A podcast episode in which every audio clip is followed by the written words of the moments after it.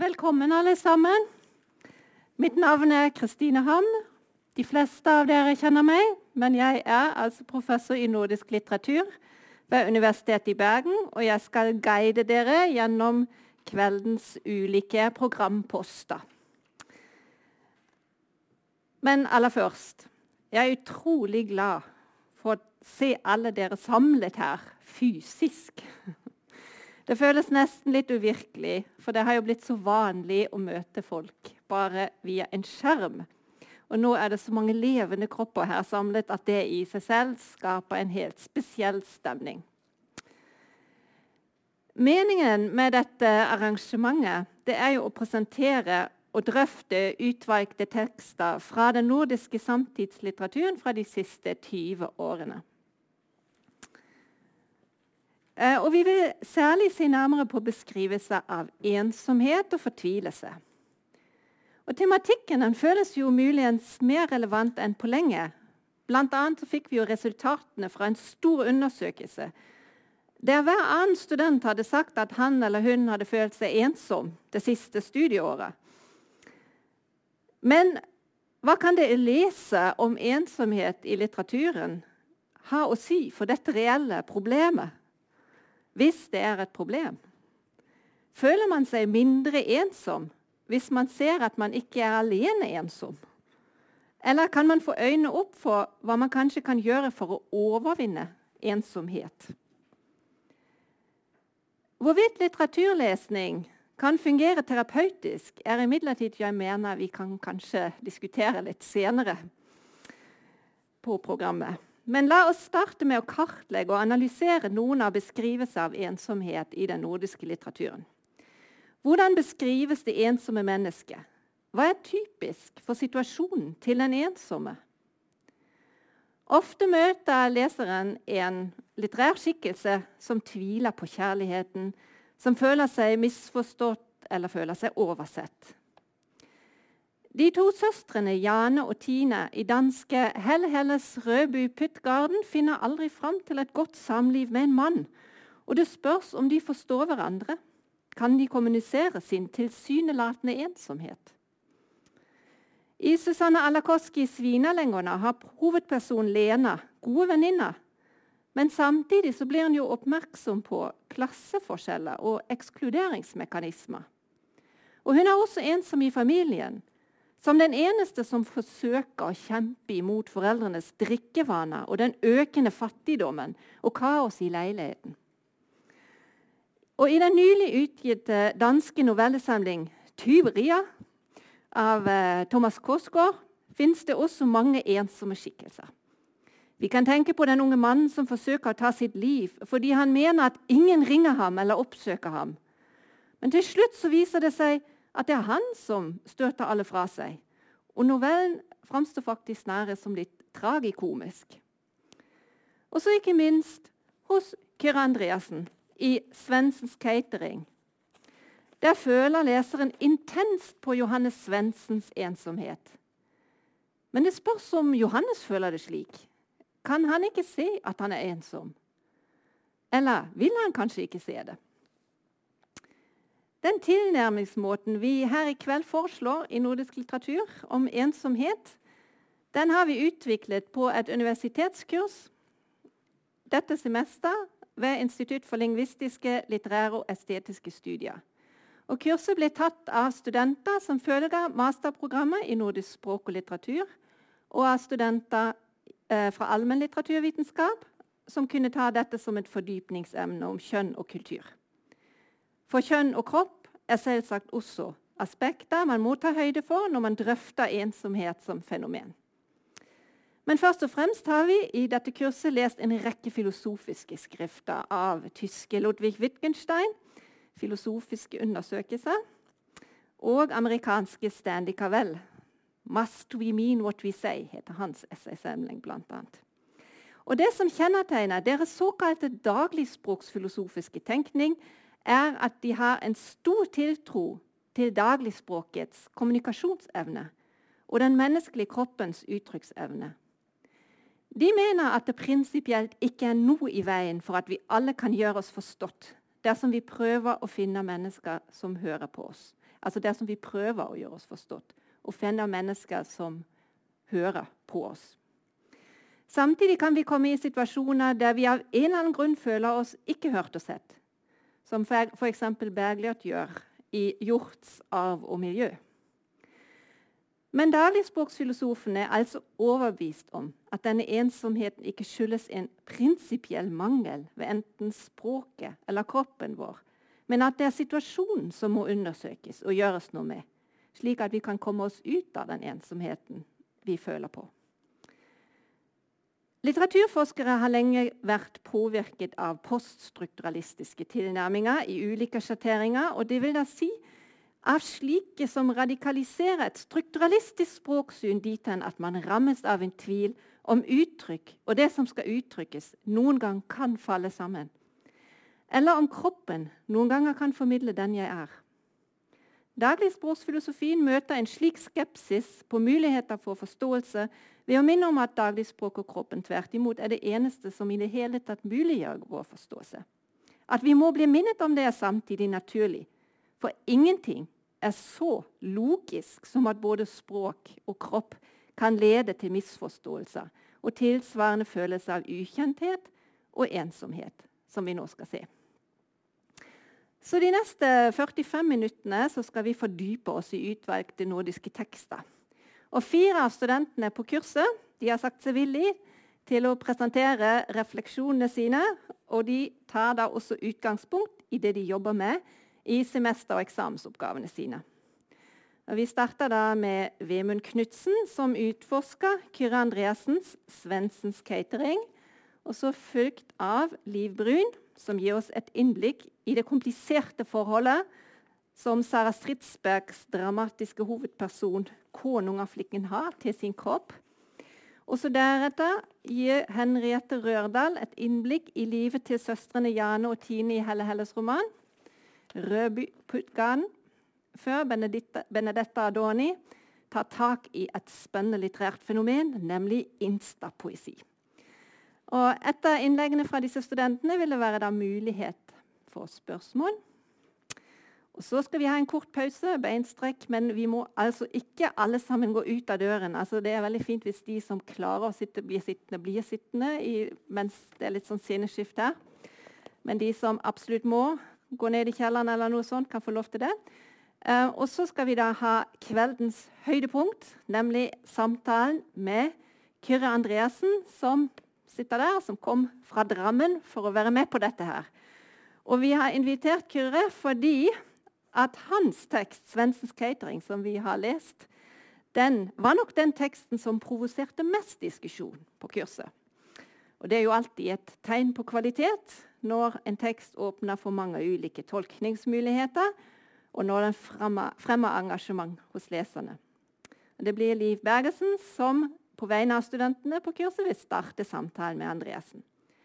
Så Rett i forkant av det skal vi også høre Kyrre lese litt fra sin siste roman, nemlig 'For øvrig mener jeg at Kartago bør ødelegges', som kom i 2016. Men først altså studentinnleggene. Nå må du skifte slide. Og Vemund, du kan komme og ta plass. Og det er altså Vemund Knutsen som skal snakke om Kyrre Andreassens 'Svendsens catering'. Trykker på den til høyre når jeg skal yes. Ja. Ok, eh, Takk. Eh, som dere ser, så har jeg valgt å kalle min oppgave for Johannes Svendsen og den eh, ensomme arbeiderklassen og tar da utgangspunkt i en roman som er skrevet av eh, Kyr Andresen, som sitter her i dag. Så eh, da får vi håpe at jeg fortsatt kan få autograf i boken etter denne analysen. Eh, her er det en liten oversikt over det han har gjort, men jeg skal ta utgangspunkt i romanen som kom i 2006, som da er 'Svensens catering', som dere ser på bildet. Eh, I denne romanen så møter vi Johannes Svendsen, som har en kone og eh, to barn. Kona heter da Lina. Det kommer fram at eh, Johannes hadde en cateringvirksomhet som gikk uh, konk etter han klarte å matforgifte et helt bryllup etter det han sjøl beskriver som uh, en, et lite arbeidsuhell. Um, dette er noe han reagerer svært sterkt på, og, en, og en rekke vanvittige hendelser følger. Og Etter hvert så går også kona fra han, og det hele eskalerer ytterligere. Eh, gjennom romanen så driver Johannes med både fysisk og psykisk vold mot de rundt han, og han eh, nekter å akseptere realiteter som ikke passer hans egne ønsker og behov. Som om ikke det var nok, så ser han noe og mener å tolke inn i situasjoner ting som ikke er der, men som likevel bidrar til å bekrefte hans eget selvmedlidende selvbilde. Samtidig så er det flere scener der vi får se at Johannes er ganske fortvila og gråter over situasjonen han er i. Så det er ganske tydelig at han er eh, kompleks, og mest sannsynlig handler som han gjør fordi han ikke har det bra med seg sjøl. Um, det som han klamrer seg til liksom, siste rest av eh, identitet, egen identitet og, og, selvhevdelse. Men selv om han gjør mye forferdelige ting gjennom romanen, så, og det gjør at han, det er vanskelig å like han, både for leser, men òg fordi karakteren i romanen, så mener jeg at det likevel er fullt mulig å ha sympati med han. Og kanskje til og med heie litt på han. Og det gjorde meg ganske nysgjerrig. Hva er det som gjør at man på mange måter kan forstå Johannes og sympatisere med han? Mener iallfall jeg, men dette var kontroversielt, som vi sikkert får fram i samtalen. Er det mulig å få et innblikk i hvorfor Johannes handler som han gjør? Dette og det at jeg da forstår Svensens Catering som en eh, fortelling om en skjult arbeiderklasse, selv om romanen sjøl egentlig ikke uttaler det eh, eksplisitt, interesserte meg. Eh, og et svar, et av svarene på dette spørsmålet er nettopp at Johannes er ensom. Og Det skal jeg straks forklare hva jeg mener med, men problemstillingen min var da eh, på hva måter er Johannes ensom? Hvordan kan han, man forklare denne ensomheten med samfunnsklassen Johannes er en del av, altså hans økonomiske, sosiale, kulturelle kapital? Eh, inspirasjonen for oppgaven kom fra en passasje som er ganske tidlig, der Johannes og kona er eh, hos en samlivsterapeut. Og Der skjer følgende. da. Sosionomen stirra på hendene mine med periskopøynene sine, sine. Studerte de små kutta, sørgerendene etter marinaden, de butte negler. Og det virka som om hun smilte til meg, men hun møtte jo ikke blikket mitt. Så hun smilte for seg sjøl, fordi hun hadde allerede gjort seg opp en mening om hva slags type jeg var. Hun gadd ikke høre på det jeg hadde å si, så bare på hendene mine og konkluderte med at jeg var sånn og sånn, og baserte teoriene sine på noe hvem som helst kunne lese seg til i et dameblad. Dette sitatet viser oss at Johannes føler seg utdefinert og irrelevant fordi han bærer fysiske preg etter denne her jobben som kokk i cateringvirksomheten sin. Han bærer med seg et, eh, kroppslig, en kroppslig klassemarkør. Eh, fortellerstemmen i romanen er konsekvent lagt til Johannes, altså jeg.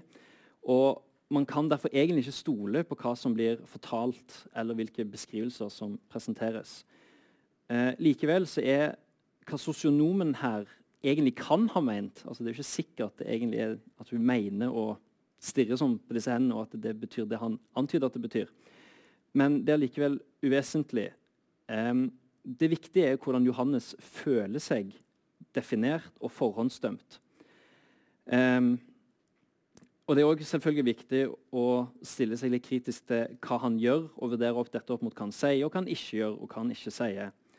Eh, uansett så har leseren et eksklusivt innblikk i det Johannes tenker og mener. Og det gjør at vi forstår han bedre enn karakterene i romanen, men også kanskje bedre enn han forstår seg sjøl.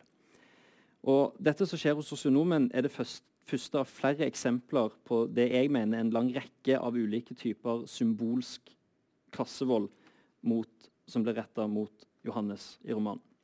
Den følelsen han opplever her, da, eh, får eh, som konsekvens at han lar være å være seriøs hos denne samlivsterapeuten og egentlig begynner å herse litt med eh, tilbake. da.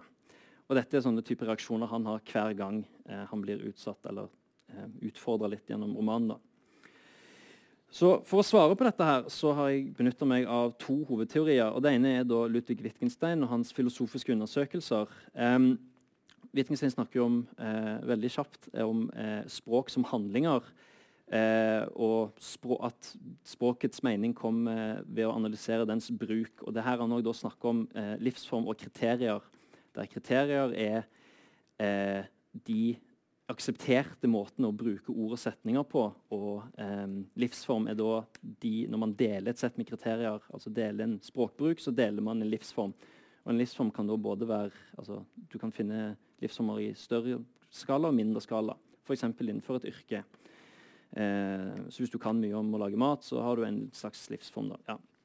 Og så er det også dette med språkspill, språkspill som da er disse her ulike bruksmåtene av ord. Eh, altså Fotball en, er, har regler, og på samme måte har ulike språklige situasjoner ulike regler.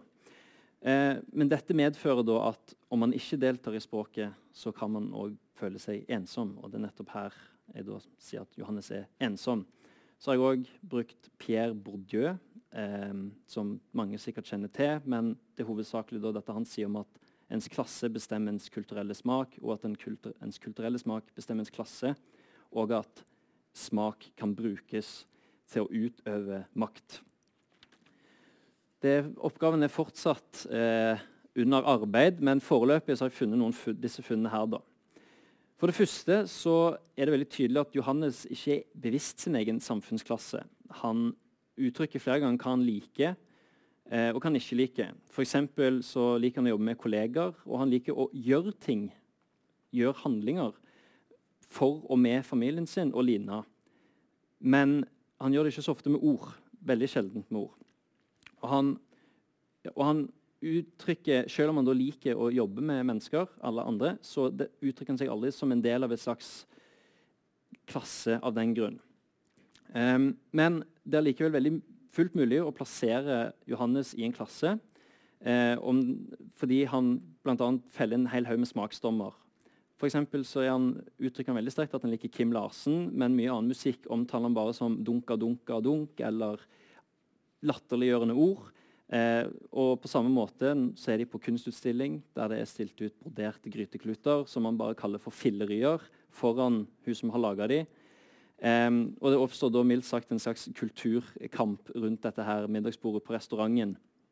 Um, det interessante her er at ingen av de andre som sitter rundt bordet, klarer å si hva som egentlig er bra med disse gryteklutene. og det er Derfor er det et eksempel nettopp det Bourdieu sier når han mener at eh, smaken er bestemt før man egentlig betrakter kunstverket. Eh, videre så har også Johannes han driver jo med mat, men han har mildt sagt et ganske problematisk forhold til eksotisk mat. Han blir ganske fra seg når han skjønner det at kinesere ikke kan lage biff. For eksempel, på den måten han gjør det. Så det er klart at her er det mange kulturelle markører. Um, men hva er egentlig da problemet til Johannes? Hva er det han ikke ser, som jeg mener å se, og som noen karakterer man kanskje burde gitt han mer anerkjennelse for? Jo, jeg mener at han mangler en form for klasseerkjennelse om seg sjøl, rundt seg sjøl og men òg fra andre. Og han mangler kanskje egentlig i mye større grad disse her arbeidsfellesskapene når han da eksplisitt uttrykker at han, dette liker han, og dette er han med på. Eh, han trives for veldig godt med den eh, Bjørn, som er kollegaen hans i cateringvirksomheten. Selv om de er veldig forskjellige, og selv om Bjørn som person egentlig også gjør og står for veldig mange ting Johannes misliker sterkt, så jobber de godt sammen, og det liker han. Um, så er det dette med at Johannes viser kjærlighet gjennom handlinger og gjennom eh, å gjøre ting med andre og er ikke så nødvendigvis, nødvendigvis så slakkes, snakkesalig. Um, og Det er jo da et eksempel på at han òg er ensom, for han har ingen å dele denne livsformen med, og hans kjærlighetsspråk blir heller ikke akseptert. Så han har kanskje da egentlig gitt opp, og tyr derfor heller til disse her ganske grusomme handlingene som han heller gjør flere ganger. Um, Derfor så lurer jeg på om dersom Johannes hadde, fått et, eller hadde hatt et klarere eh, fellesskap, eh, f.eks. i klasse, eh, kunne han blitt redda? Kunne han unngått denne her spiralen av eh, vold som egentlig skjer eh, i denne romanen? Og jeg syns òg at Johannes med det er et ganske godt eksempel på hvordan eh, Nå er det jo begynt å komme på, på mange måter, men hvordan klasse egentlig lenge var eh, forsvunnet litt fra det offentlige ordskiftet. Altså at han, Med at man slutter å snakke om klasse, samfunnsklasser, så har heller ikke Johannes klart å definere seg sjøl, og slik blir ensom som så mange andre menn som ingen lenger trenger. Takk.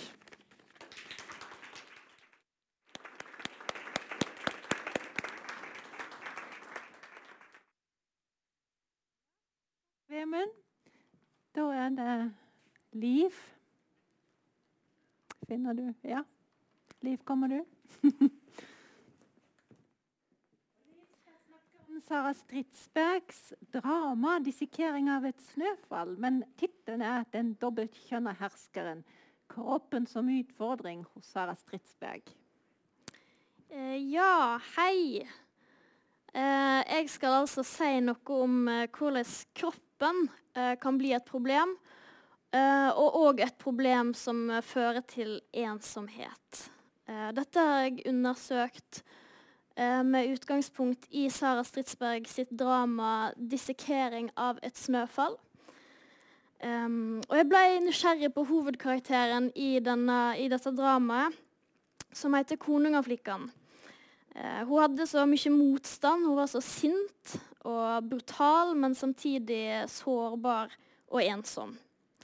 Eh, karakteren er inspirert av eh, dronning Kristina av Sverige, som eh, regjerte på 1600-tallet. Eh, det er litt viktig informasjon for å forstå stykket. I stykket så følger vi hennes siste tid ved makta. Og i riket så er det veldig dystre tider. Det er svolt, det er sykdom, det er blod, det er vold og kulde. så det, det er ikke en trivelig plass å være. Eh, og de rundt konungaflikkene er, er redd for at riket skal gå under. Eh, rett og slett fordi hun ikke regjerer på en god måte. De er òg veldig opptatt av at hun skal føde en arvtaker til riket, sånn at det kan bestå. Eh, makten den har hun tatt over etter sin døde far, uh, som òg opptrer som en karakter i dramaet som død. Um, han har hun en veldig nær relasjon til. Og den andre virkelig nære relasjonen hun har, det er til eh, elskeren sin Bell. Eh, hun er tilsatt ved hoffet og er konungaflikkene sin, eh, sin, kjæreste og elsker. Eh, til tross for at hun senere eh, gifter seg og prøver å få barn. Eh, og Relasjonen hun har til disse to, er veldig forskjellige. relasjonen til Bell er fysisk, mens relasjonen til faren er åndelig. Um, og Hvordan disse er forskjellige, skal vi se videre, er knytta til hennes forståelse av nettopp kroppen. Ja. Så det store problemet til konungaflikkene det er at hun verken kan være dronning eh, fordi hun nekter å føde, men hun kan heller ikke være konge fordi hun nekter å krige. Men hun vil holde på makten. Så, sånn har hun et problem som handler om kjønn, og sånn òg om kropp. Så spørsmålene jeg har stilt meg, er hvordan kommer kroppen under press i dramaet? Og hvordan fører dette konungaflikkene ut i ensemd? Så problemet hennes handler om kroppen. Både hennes egen kropp, men òg andre sine kropper. Eh, så en kan si at kroppen blir et problem på to måter. Det går både innover eh, og utover. Dette skal jeg forklare. Um, hun diskuterer problemet med kroppen med sin personlige filosof, som er inspirert av eh, Descartes. Um, og Konungaflikkene sin løsning på problemet er egentlig å bare heve seg over hele, hele kjønnet. Uh, så hun kaller seg ikke dronning hun kaller seg ikke konge, men hun kaller seg hersker. Og den androgyniteten ser vi jo òg i navnet hennes, kongejenten. Men denne løsningen her, den godtar ikke filosofen. Eh, så sitatet jeg nå skal lese, eh, viser den veldig vanskelige situasjonen filosofen setter henne i. Og eftersom ni inte tykker om blod så kan ni inte føde og inte døde.» Nopp. Eh, frågan kvarstår. Er ni mann eller kvinne? Er ni drottning eller konung? Hva spiller det for roll om jeg er det ene eller det andre? Jeg har det beste fra to kjønn. Jeg forstår. Ni vil være en anomali. Visst. Ni vil være noen ting som ikke eksisterer. Men jeg er redd at det blir er undergang, eftersom ni per definisjon ikke kan eksistere utenfor eksistensen. Ni eksisterer, eller så eksisterer ni ikke. Er ni en anomali, så fins ni ikke. Eh, her setter filosofen konungaflikken i en ganske umulig eh, posisjon. Det han sier, er at om hun ikke kan være det ene eller det andre, så kan hun ikke eksistere. Eh, så den binære kjønnsmodellen han opererer med, eh, setter tvil om hennes eksistens og fører hun i tvil om sin egen eksistens. Og Det er dette som gjør at hun da avviser kroppen helt og hever seg over den skjønne kroppen som hersker. Eh, så dette viser hvordan hennes egen kropp blir et problem. Eh, Konungaflikkene forstår sitt indre som én størrelse og kroppen som en and som hun kan avvise.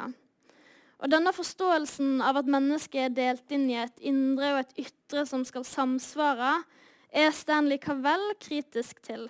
Det er ikke som en moralsk kritikk, men det er fordi han viser at det rett og slett ikke er sånn. Um, så jeg bruker Uh, the Claim of Reason, del fire, 'Skepticism and the Problem of Others', uh, som diskuterer dette uh, i lys av parobler fra filosofiske undersøkelser av Ludvig Wittgenstein. Så det er disse to verkene jeg har tatt utgangspunkt i. Um, de mener at det å forstå kropp og sjel som adskilt kan føre en ut i en tvil Eh, en tvil om andre kan kjenne mitt indre, om jeg kan kjenne andre sitt indre.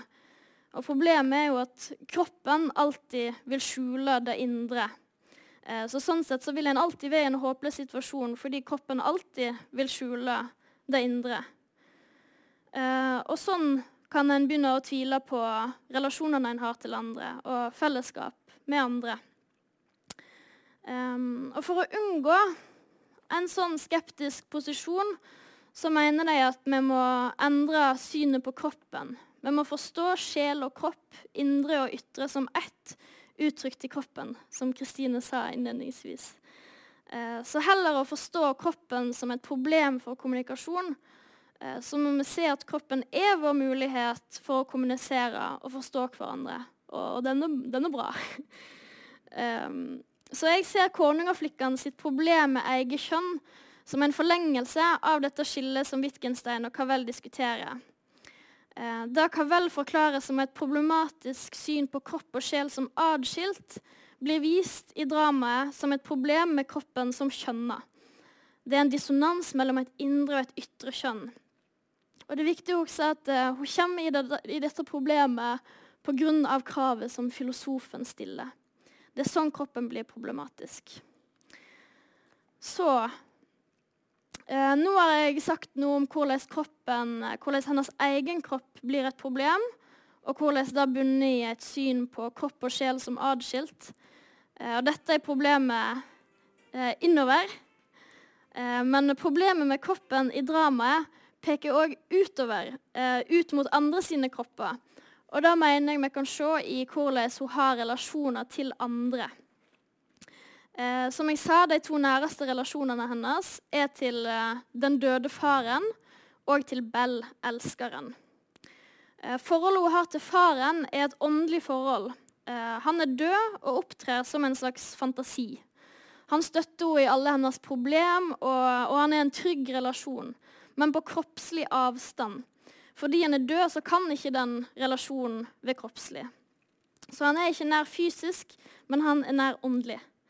Eh, relasjonen til Bell er derimot veldig kroppslig, både fordi den er i den virkelige verden, men òg spesielt fordi den er en seksuell relasjon. Så her er jo kroppen veldig viktig. Um, og jeg tror at relasjonen hun har til Bell, blir vanskelig nettopp av denne grunnen, fordi den er kroppslig. Og fordi hun har et så problematisk, til, eh, problematisk syn på, på, sin egen kropp eh, i utgangspunktet. Um, sin egen kropp har hun avvist og heva seg over, og sånn blir det òg vanskelig for henne ved en relasjon med Bell. Og videre blir òg eh, andre relasjoner i den virkelige verden vanskelige. Konungaflikkene prøver på en måte å unngå hele kroppen Eh, og sånn blir det jo selvfølgelig vanskelig å delta i fellesskap med andre. Forholdet til Bell er prega av at eh, konungaflikkene eh, kontrollerer henne. Eh, hun trekker henne til seg, skyver henne unna, tvangsgifter henne bort, overvåker hennes seksualitet. Altså er det en veldig ambivalens og en uh, veldig maktutøvelse. Eh, hun vil ha Bell og elske Bell, men klarer ikke å ha en trygg relasjon til henne fordi hun ikke aksepterer seg sjøl som kjønna og som kroppslig. Så å være kroppslig med Bell blir en slags umulighet fordi konungaflikkene har avvist sin egen kropp. Hun vil egentlig leve i en verden hvor hun er heva over det kroppslige, som hersker. Men sånn fungerer det jo ikke i realiteten. Um, så sånn blir det for konungaflikkene ikke bare et problematisk forhold til sin egen kropp, men òg til andre sine fysiske kropper, som fører henne ut i ensomhet. Hun hever seg som hersker ikke bare over den skjønne dikotomien, men òg egentlig over andre menneskelige fellesskap, fordi hun ikke anerkjenner sin egen og andre sine kropper. Så kroppsproblematikken går både innover og utover. Eh, og så til eh, siste spørsmål. Hvordan kunne hun unngått eh, denne situasjonen? Um, og da mener jeg jo at vi må se på kravet filosofen stiller eh, som mest problematisk. Eh, kravet om å være enten-eller for å kunne eksistere. Det er dette som får henne til å avvise kroppen og få et så trøblete forhold til kjønn og kropp. Så for at hun skal forstå kropp og sjel som ett menneske som fullkomment og begrenset, som eh, Cavell og Wittgenstein skriver om, eh, så er kravet filosofen stiller et stort problem. Takk.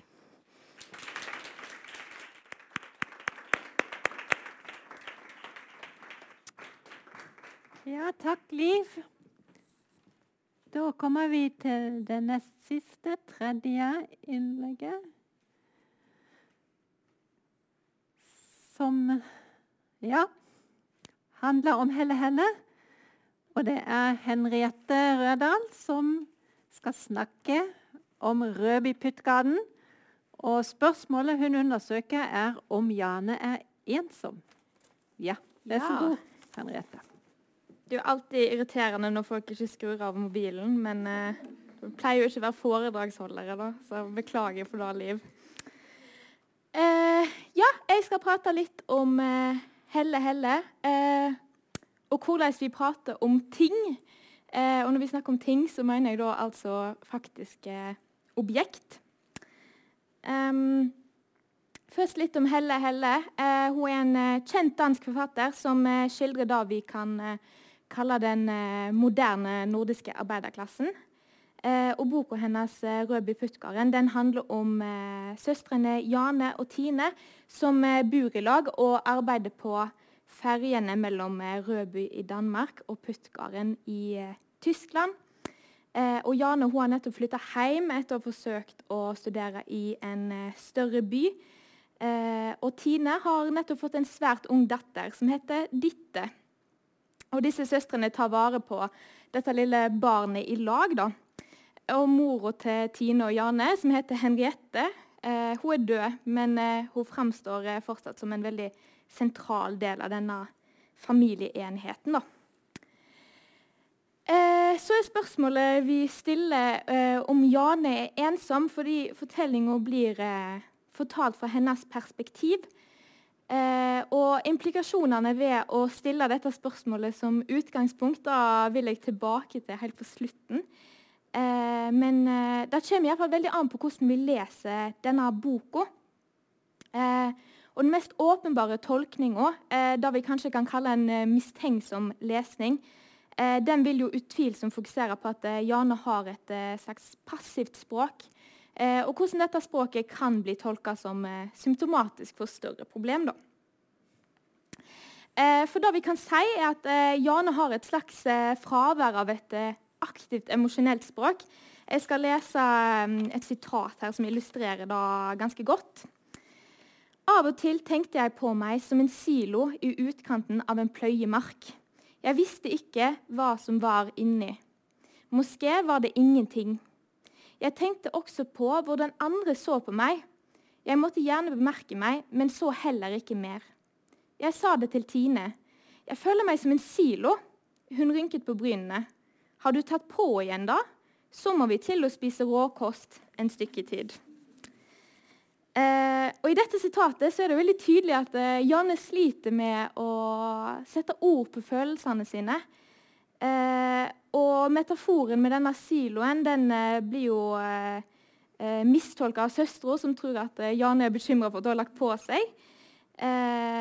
Og Her kan vi jo hevde at det mangler et slags aktivt emosjonelt språk. fordi det Jane burde sagt, er jo 'jeg føler x, y, z'. Eh, og silometaforen blir en slags passiv løsning som fungerer ganske dårlig. da.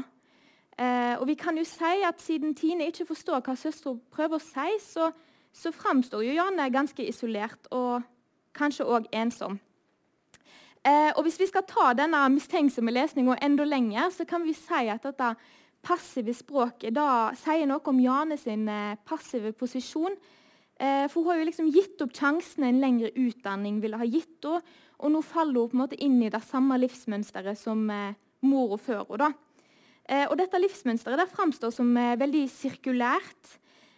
Og det vekker jo assosiasjoner til de tradisjonelle og deterministiske teoriene om klassestruktur som vi kanskje er vant med. da. Og Hvis vi virkelig skal hamre det inn, så kan vi si at vi finner denne sirkelen til og med i navnet til hovedkarakterene. for Henriette og Tine og Jane og Ditte det er jo veldig like navn som nesten flyter litt inn i hverandre. Eh, og Ditte er jo et navn som rett og slett begynner med den siste stavelsen av navnet Henriette. Eh, og så ser vi jo disse sirklene. De figurerer jo til og med inn i kunsten på bokomslaget, som vi ser her. Eh, og I tillegg til at vi ser disse sirklene, så framsto de veldig ensomme og isolerte. For det er jo ingenting som kobler disse rundingene sammen. Eh, så dette var altså en eh, kort, mistenksom eh, lesning, eh, som i min mening egentlig er litt grunn. Eh, fordi den prøver jo ikke å forstå Jane. Eh, den fungerer mest som en måte å avvise eller korrigere hennes språklige uttrykk. Da. For det er veldig interessant at hun bruker denne siloen, som jo er et typisk objekt for Røby sine omgivelser, for å illustrere hva hun føler. Eh, objekter er viktige markører i Jane sitt språk, som jeg tenker at eh, vi kan prøve å forstå litt bedre. Eh, så da har jeg to til sitat jeg skal lese. Eh, det første viser på en måte veldig godt eh, Tine og Jane sitt forhold. Eh, men vi kunne godt like de samme gode, gode gamle retter med sos. Vi kunne òg like å ligge på sofaen, især meg. Dertil kom vår felles glede ved bakebrød og ukeblad hver torsdag. Vår mor hadde gitt oss smak for den slags. Torsdag hadde alltid vært ukens høydepunkt. Eh, og I dette sitatet så ser vi at Tine og Jane de har jo et klart fellesskap eh, som i stor grad er basert på praktikaliteter eh, og fysiske omgivelser. Eh, og Jane hun skildrer maten de liker å ete, og sofaen de ofte ligger på i lag. Eh, og tradisjonene som springer ut fra disse praktiske og fysiske elementene. Eh, og Her forstår vi også at dynamikken til Tine og Janne sitt forhold den eh, knyttes opp mot moro, Henriette. Eh, og Objektet er her sentrale bindeledd mellom disse jentene. og Da fortsetter å være tydelig gjennom boka, kanskje spesielt når Jane husker dagen mora blir begrava. Den dag vår mors urne ble satt i jorden, lagde jeg stikkelsbærsgrøt. Jeg sto i kjøkkenet i Syltomsparken og rørte og rørte i gryten. Alle bærene gikk uti. Tine satt ved vinduet og røykte. Luften av de varme bærene og sigarettrøyken blandet seg. Jeg tok gryten av blusset. Hvis noen spurte vår mor hvordan hun hadde det, fortalte hun hva hun hadde laget. Nå hadde jeg laget stikkelsbærsgrøt. Tine kikket på meg. Eh, og her I dette sitatet så må vi jo huske at det er Jane som forteller historien. Det er hun som på en måte maler dette bildet da, for oss. Eh, og det er jo på en måte veldig klart at det, oppstår et slags fellesskap mellom hun og søstera her. Eh, når duften fra bærene blander seg med sigarettrøyken, så illustrerer det jo, om ikke implisitt, eh, hvordan disse søstrene virkelig holder sammen.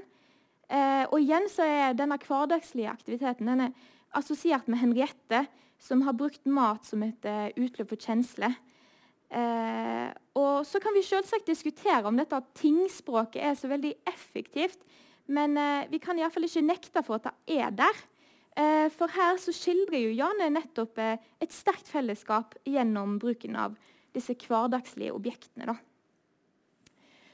Eh, og dette er noe vi kan knytte opp mot eh, hverdagsspråksfilosofien. Eh, Wittgenstein han, har et konsept som han kaller for språkspill, som forklarer hvordan vi lærer oss språk gjennom dagligdagse interaksjoner og handlinger. og Et typisk språkspill kan være å gi ordre eller å handle et ordre, eller fortelle om noe som har skjedd, eller å skildre en gjenstand ut ifra observasjoner. Eh, og Det som gjør at disse språkspillene gir mening, da er at eh, de oppstår i sammenheng med aktiviteter og livsformer. Eh, og Det er jo på en måte akkurat det som skjer i Helle Helle. da. For Jane bruker jo språkspill som er knytta opp mot uh, objektene i livet hennes. Eh, og når hun skildrer disse tingene, så kan vi som leser forstå livsformene som er spesifikke for hennes familie. Eh, F.eks. at wienerbrød eller ukeblad sier noe om familiedynamikken og samholdet og interessefeltene til Henriette og Tine og Jane. Så eh, til slutt så må vi jo som sagt huske at eh, det er Jane som står bak denne prosessen. Eh, det er jo ikke objektene som kommuniserer, det er Jane. Så Jane blir jo da altså subjektet som aktivt bruker objekt for å illustrere og fortelle til leseren. Eh, og på den måten så er hun jo kanskje ikke så passiv eh, allikevel. Eh, om Jane er ensom, da kan vi diskutere. Men eh, sånn som jeg ser det, så er det egentlig et eh, veldig ledende spørsmål. Eh, og det forutsetter på en måte at vi skal finne en feil i denne teksten. og det kan jo være at det heller er at Jane bruker ikke det spesifikke emosjonelle språket vi kanskje er på jakt etter. Eh, så jeg tenker at det kan være lurt å bruke teksten som utgangspunkt. Eh, og Det handler litt om å vurdere hva som er der, og ikke bruke masse tid på å hevde hva som bør være der. Eh, for Hvis vi tar denne subjekt-objekt-kommunikasjonen på alvor, så mener jeg at vi kan forstå karakterene bedre. og da blir de kanskje ikke så ensomme allikevel.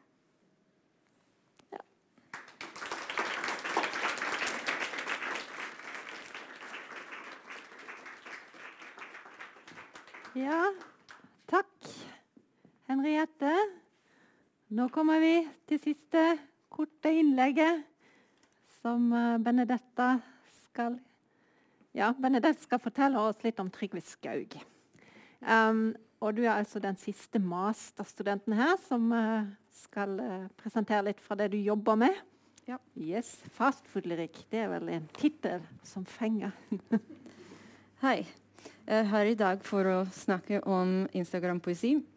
Om hva det er, om hvordan vi kan forstå denne kunstformen og, og dem som leser den. Og litt generelt, litt generelt om uh, kunstoppfattelse i dag. Jeg har valgt å forske på dette fordi jeg syns det er kjempeinteressant å se på forholdet mellom kunst og sosiale medier. Og særlig hvordan dette sistnevnte har påvirket, påvirket kunsten. Jeg vil se på hvordan denne nye diktmåten er blitt så uh, populært. Og se på hvilke kriterier styrer hva som kan og ikke kan regnes uh, som kunst. Så hva er Instagram-poesi? Instagram-poesi er en ganske ny kunstform som trolig ble gjort uh, populær av den indisk-canadiske dikteren Ruby Kaur som er trolig den første uh, instadikteren. Og som siden har uh, ført til at andre har begynt å legge ut dikt på en lignende måte. I Norge er Trygve Skaug uh, trolig den mest uh, kjente instadikteren, med nesten 200 000 følgere, som er mer enn uh, Erna Solberg har. Uh, men det fins mange, mange mindre kjente norske instadiktere. Så som dere kanskje vet, uh, bygger Instagram sitt innhold på bilder. Så um, dette innebærer at Instadikt må være korte nok til å passe inn på et bilde, uten at det blir for uh, ubekvemt å lese dem. Og estetikken er også uh, sentralt. Um, fordi det avgjør ofte forskjellen mellom det å bla videre og å få en ny følger. Så det er ganske viktig. Um, Instadikt har en ganske fri form. som uh, betyr bl.a. at det um, har uh, ingen rim eller rytme, uh, og nesten ingen retoriske figurer. Den eneste som ofte blir benyttet, er metaforen. Dikta har temaer som går igjen i historien, som kjærlighet, forhold og ensomhet. Uh, men også nyere temaer som uh, kroppspositivitet og samtidige politiske spørsmål. Så her er et eksempel uh, som illustrerer litt mine poeng. Um, for det er det utrolige med deg at du faktisk har plass til hele mørket mitt i lyset ditt. Dette er et dikt av Trygve Skaug. Um, kontrasten mellom lys og mørke er veldig, veldig lett å begripe. Um, den er også en av de mest tilbakevendende temaer i Skaugs diktning. Um, ja. Diktet har ikke en særlig form. Um, det er innholdet uh, med dets dagligdagse språkbruk uh, og spontanitet som gjør det interessant for leseren. Uh, diktning av personlige innhold gjør så at Skaug viser seg selv som åpen uh, og nær leserne. Han viser gjennom det han skriver, at han, han er lik den som leser uh, hans diktning. Så selv om mange akademikere avskriver Instagram-poesi som noe uverdig og ukunstnerisk, så valgte jeg å studere det som fenomen. Jeg bestemte meg å følge Skaug og andre instadiktere som Rupikor uh, på Instagram. Og jeg leste og prøvde å analysere noen av uh, deres dikt. Og dette førte meg til noen spørsmål. Uh, som f.eks.: uh, Hvorfor er disse diktene så populære? Hva er det folk liker ved dem? Og hva kan vi forstå om folks kunstoppfattelse i dag ved å lese dem? Så på universitetet har vi lest uh, mange interessante filosofiske tekster som hjelper meg å finne svar på alle disse spørsmålene. Og det var særlig Cavels uh, 'Music Discomposed' kapittel i 'Must We Mean What We Say' som var viktig i forskninga mi. Det hjalp meg bl.a. å um, forstå hvordan kunst utvikler seg i tiden og hvorfor samtidig kunst er ofte oppfattet som imitasjon eller som noe uoppriktig. Så Skaug og generelt alle instadiktere uh, bryter med uh, alle tidligere poetiske tradisjoner. Um, I det f.eks. Uh, deres dikt har ingen uh, særlig rimskjema eller rytme, og i hovedsak gis ut på Instagram. Så men Cavell forklarer at uh, det å bryte med tradisjon kan også være en måte å holde tradisjonen levende. Fordi det er noe som alle nye kunstbevegelser må gjøre for å erklære seg selv som nye og forskjellige. Så hvis kunstnere fortsatte å skrive, komponere eller male som i antikken, for, f.eks., så hadde vi ikke hatt noe framskritt. Så hvordan avgjør vi hva som er kunst eller ikke? En kan jo tenke det at uh, det er tida som vil vise hva som regnes som kunst, og hva som kan ikke regnes som kunst. Men som Cavell poengterer, når vi opplever kunst i nåtid, så det er opp til oss selv til å avgjøre hva som kan regnes som kunst eller ikke. Alle nye kunstformer vil trolig mistenkes for uoppriktighet fordi de bryter med hva som står som autentisk. Så det er vanskelig å bevise at noe er uoppriktig eller ikke.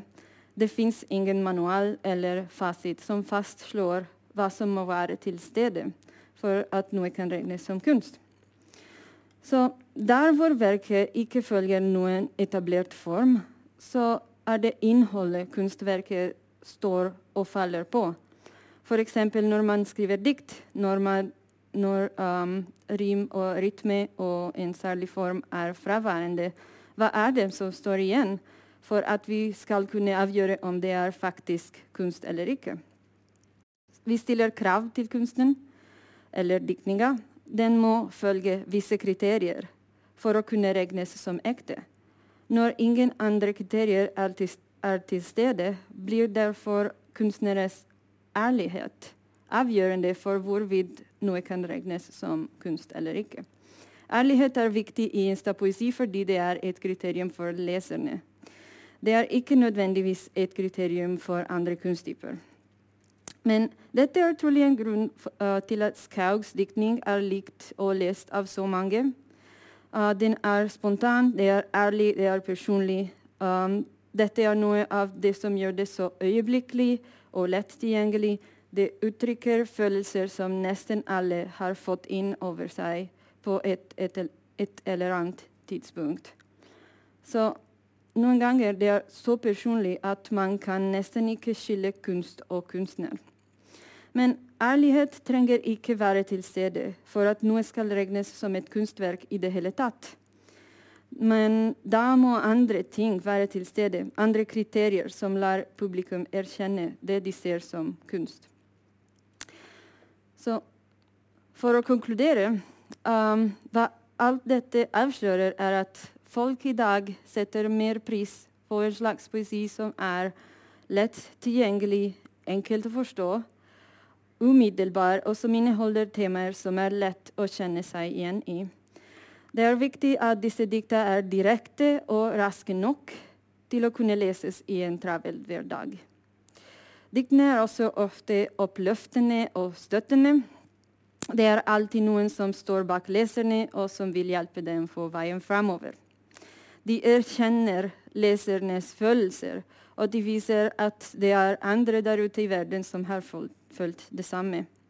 På denne måten fungerer Skaugs diktning som en slags uh, samtalepartner som har de samme følelsene som leseren. Til sist vil jeg bare påpeke at diktninga har blitt en veldig kommersialisert prosess. Ikke bare har salget av poesibøker gått opp de siste årene mm, på, på, bakgrunn av Instagram-diktninga, men dikterne, dikterne selv har egne varer som T-skjorter, kopper og plakater som bærer diktene deres. Så ja, kanskje kan man si at folk bruker mer penger og mindre tid til poesi i dag enn i fortida. Takk.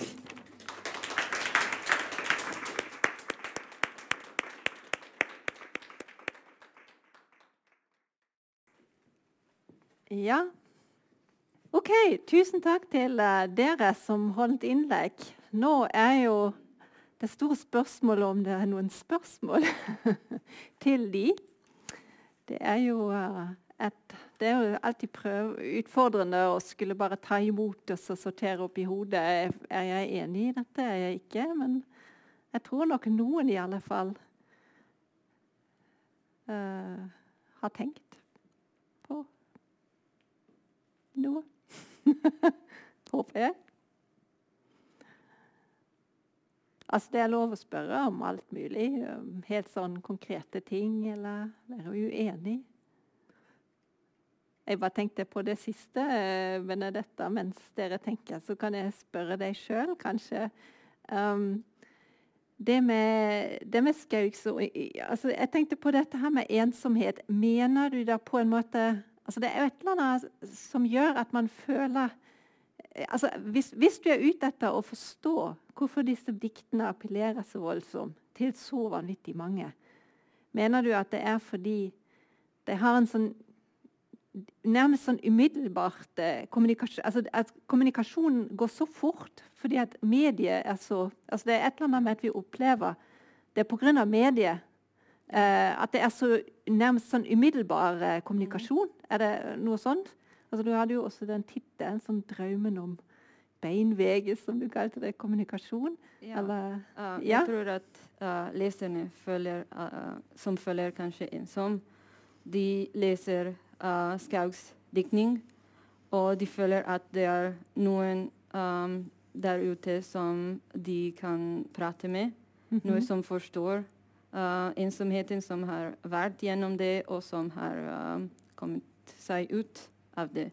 Mm. Så det er mer at um, det er leserne som kanskje føler seg ensom, og så um, finner de um, en slags um, samtalepartner, som jeg sa, mm. Um, i Skaug og ja. diktninga hans. Mm. Så det er det jeg tenkte. At um, hvor som helst og når som helst kan de bare uh, um, åpne Instagram på telefonen og lese et dikt som sier uh, at uh, mørket vil bli lyse, og så føler de mm. bedre. ja.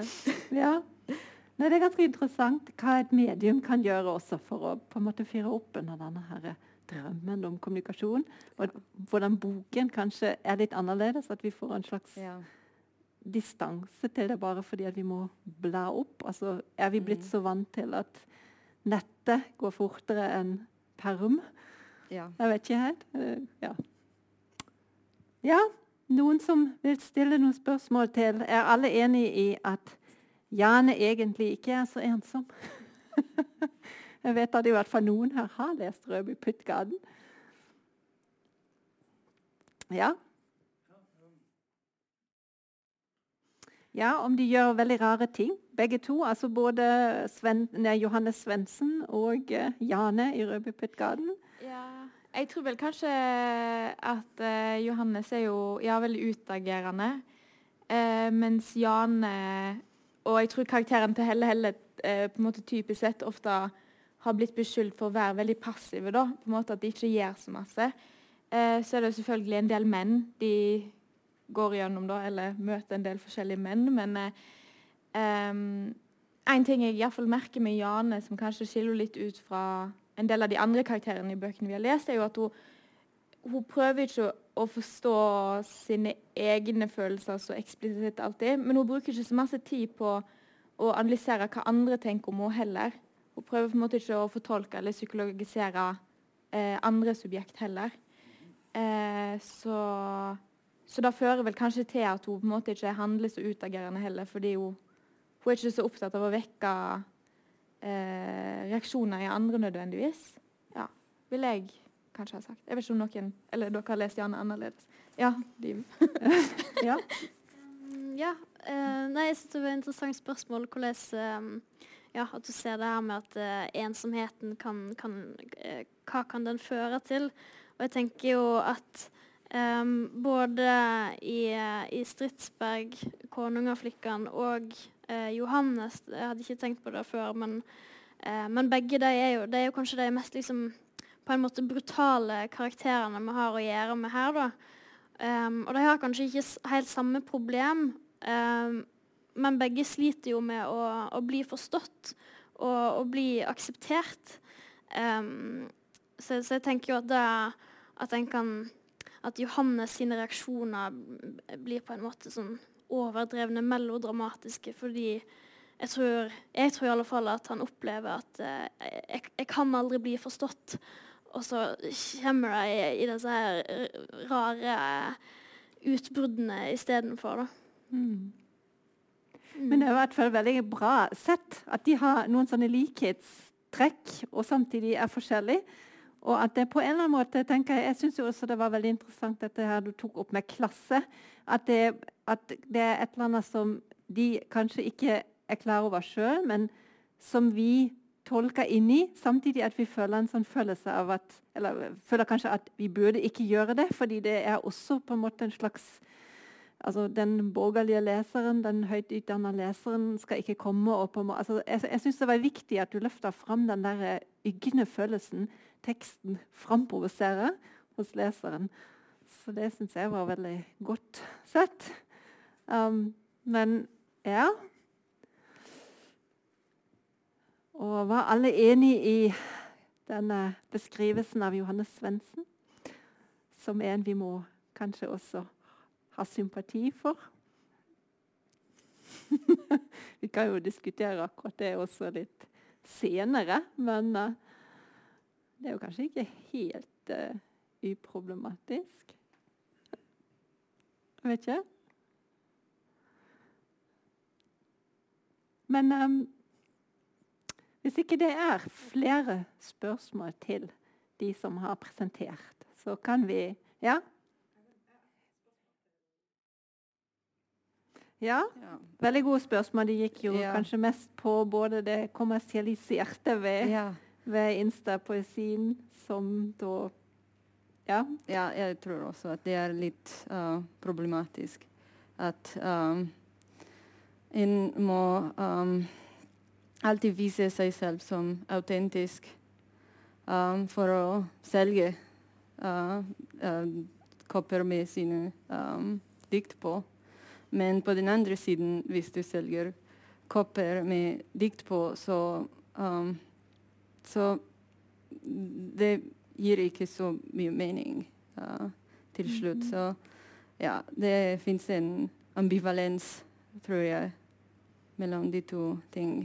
Så det Det kan ikke være um, uh, på samme tid uh, personlig og selgbar, men det er det. Så det er Ja.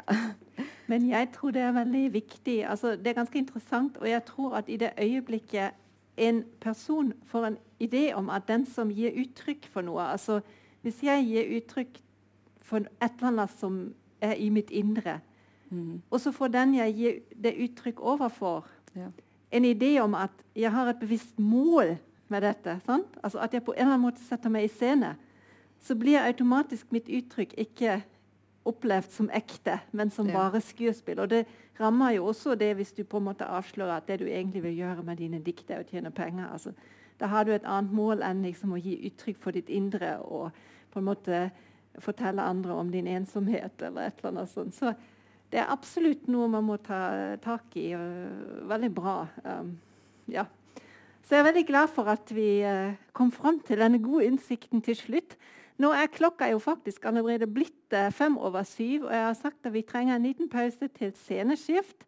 Um, som sagt, Det er ikke så greit at alle tar en pause i den forstand at alle reiser seg og går ut, og sånn, men de som vil gjøre det, eller må gjøre det, de får lov til det. Vi har fem minutter, og så har vi eh, Kyrre Andresen, som da leser opp litt for oss fra sin siste roman, før vi har en samtale med liv.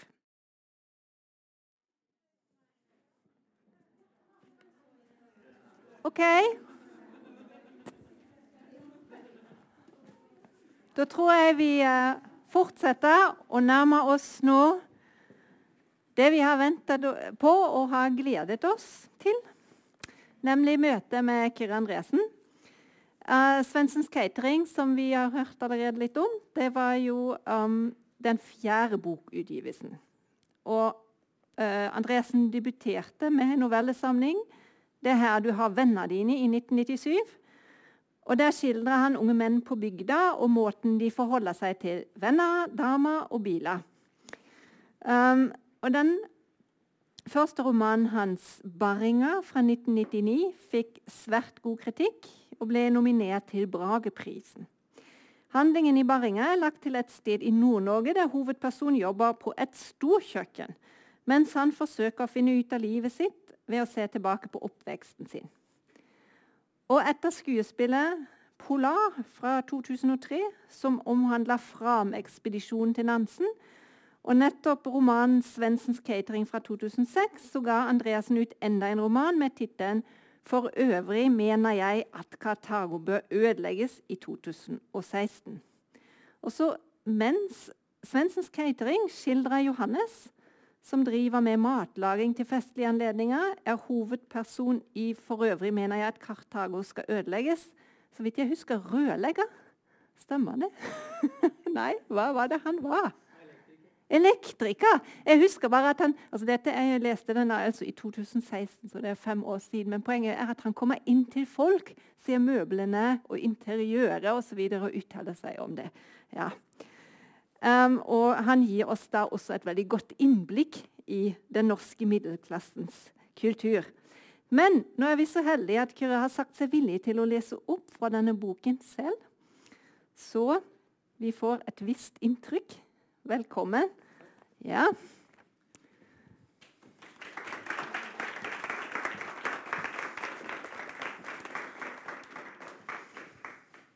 Jeg klarte å glemme brillene, da. Så det kan bli interessant. Um, for den, jeg trengte ikke briller i 2016 da den boka her kom ut. Men det trenger jeg nå. Uh, jeg bare leser litt fra åpninga. Uh, og det meste er jo sagt, nå som vi fikk uh, slått fast at han er elektriker. Eller var. Jeg måtte slutte som elektriker pga. prolapser i ryggen. Når man må bruke korsett på jobb etter årevis med skruing i ukurante stillinger. Rett og slett korsett tilbake til middelalderen. Det går til et visst punkt, og så går det ikke lenger.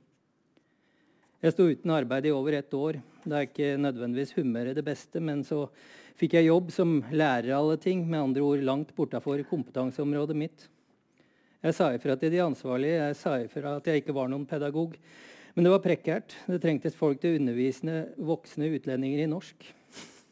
Fysaken på Nav og ledelsen på skolen mente erfaringen min var verdifull. Mer verdifull enn all verdens pedagogikk, mente de var jeg motivert. Det fungerte i hvert fall. En stund fungerte det. Men det er klart, når man den ene dagen driller ei gruppe utlendinger i arbeidsmiljøloven, og den neste dagen fisker etter svart arbeidskraft i den samme gruppa, det tar seg dårlig ut. Men jeg fiska ikke. For utenforstående kunne det se, sikkert, sikkert, se sånn ut, men jeg fiska ikke. Faktum syntes jeg synd på Magomed, og da han fikk forespørselen Jeg spurte om han kunne tenke seg å bygge en pergola for oss, for Marianne og meg, og fader som han lyste opp. Det handla ikke om utnytting, det handla om stimulans. Magomed var møbelsnekker fra hjemlandet.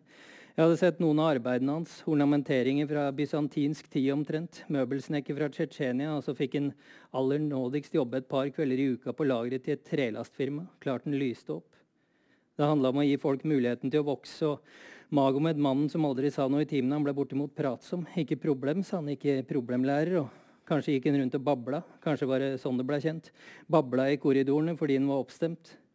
Noen fikk i hvert fall snusen i det, og vedkommende tysta oppover i systemet. Det hagla fader fader hagla med anklager fra den øverste ledelsen. Og de såkalte kollegaene mine, de prektige sauene, de mente Christer Larsen hadde opptrådt helt forkastelig. Jeg som ikke engang var interessert i den pergolaen. Ikke redd dugg. Det var Marianne. Hun mente det ville bli herskapelig med en pergola ute i hagen. Det pressa seg fram etter en tur til Roma, en Ovalviken i påsken. Vi spiste nemlig på en restaurant som het La Pergola der nede. Det var sånn jeg fikk ideen. Jeg rakk knapt å lempe kofferten inn i huset før jeg var i, sving med en befaring ute på plen. Sto der og veiva og dirigerte. Snøen hadde ikke reist engang. Kan du se det for deg, sa Marianne. Men bare fordi man hadde sittet på et romersk fortau med all slags slyngplanter dinglende rundt øra og gassa seg med mat og vin og hele antikken midt i fleisen, var det neppe noen automatikk i at man fikk oppleve den samme velstanden hvis det ble slengt opp litt plank mellom huset og garasjen. Jeg sa det var naivt. Den tanken naivt modererte jeg meg. Og jeg sa det var et spørsmål om finanser. Jeg nevnte krediten, hvor mye vi hadde fleska til med for flyreisa, for flyreisa, hotellet og gaver til Andreas, alt mulig på kortet. Hvem hadde kjøpt sko og klær i store kvanta? Skinnjakka, f.eks. Hun sto ute i snøhaugen i ei speller ny skinnjakke, mørkegrønn, over 3000, så mørk at den nesten var svart, og den slutta strategisk rett over der, ja. Og hun hadde limt på seg noen olabukser og høye hæler, og det var fremdeles spenninger igjen etter ferien. Fire dager med ungefri. Spenninger av den positive sorten, for all del. Når man har vært gift i over 15 år, det vil være et under om det ikke oppsto litt slitasje. Og når det oppstår slitasje, det er da det er etterlengta med nye perspektiver. Det var derfor vi tok den turen til Roma, for å få nye perspektiver.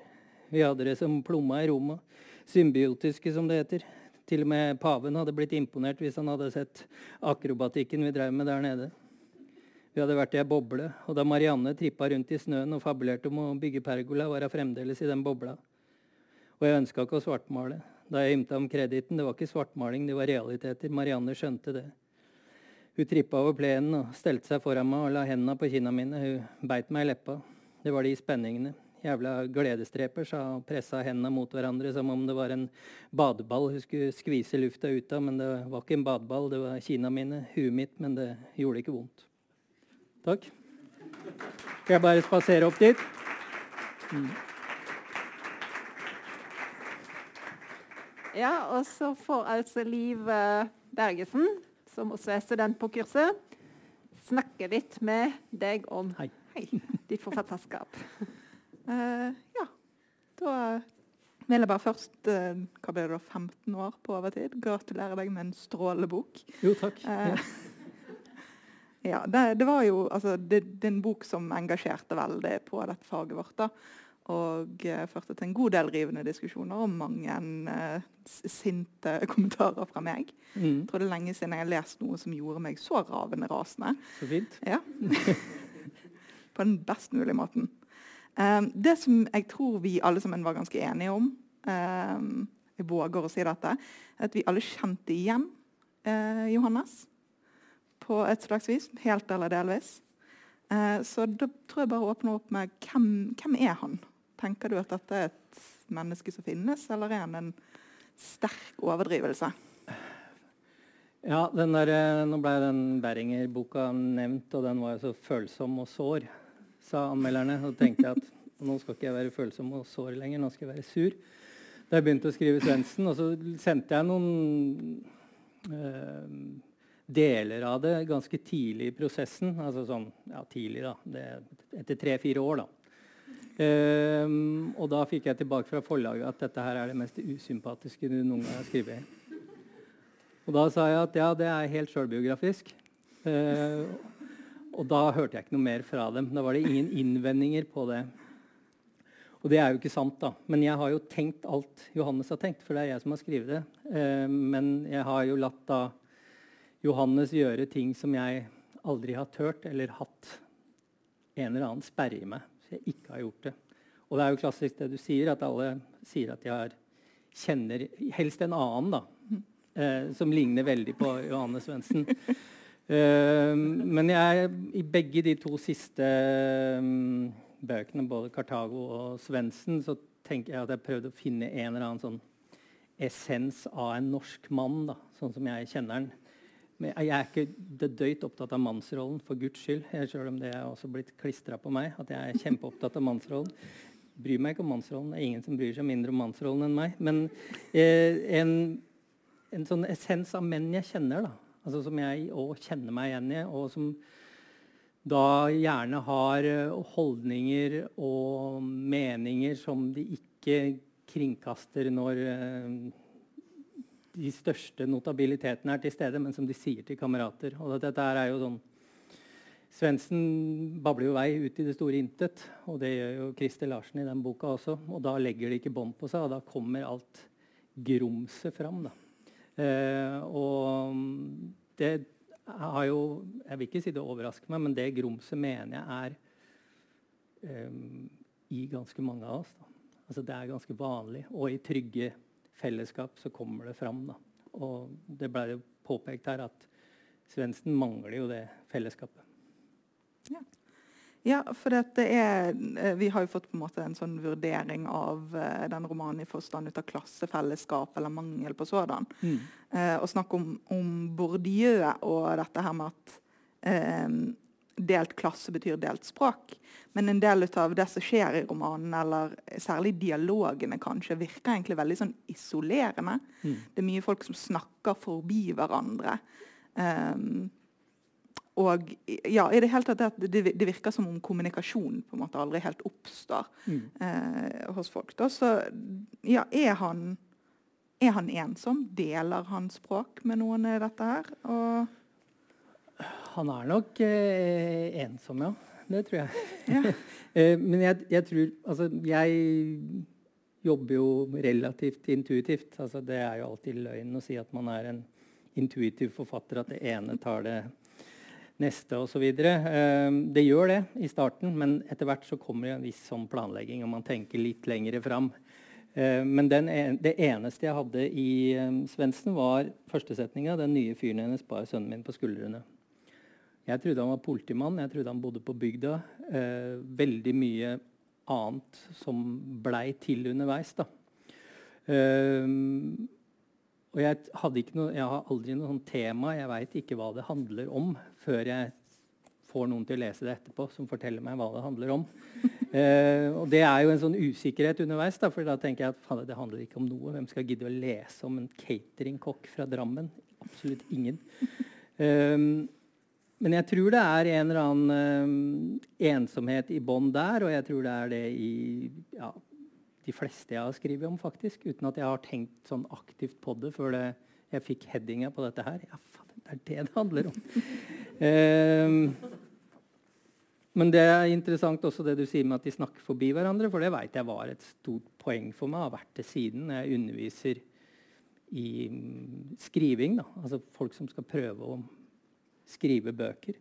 så sier jeg at de alltid skal tenke på dialogen som en kamp. Altså Det er alltid om å gjøre å få siste ordet.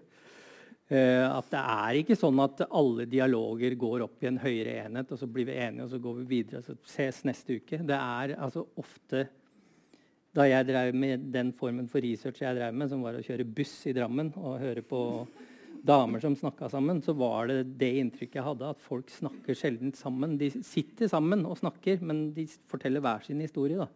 Og så møtes de innimellom eh, noen steder. og Hvis man går gjennom en, alle dialogene man har, hatt, man har, hatt, i løpet av en dag, så er det jo en del som ikke er sånn spørsmål-svar, spørsmål-svar, klassisk klassisk jobbintervjustil, men mer eh, to monologer som av og til treffer hverandre. da.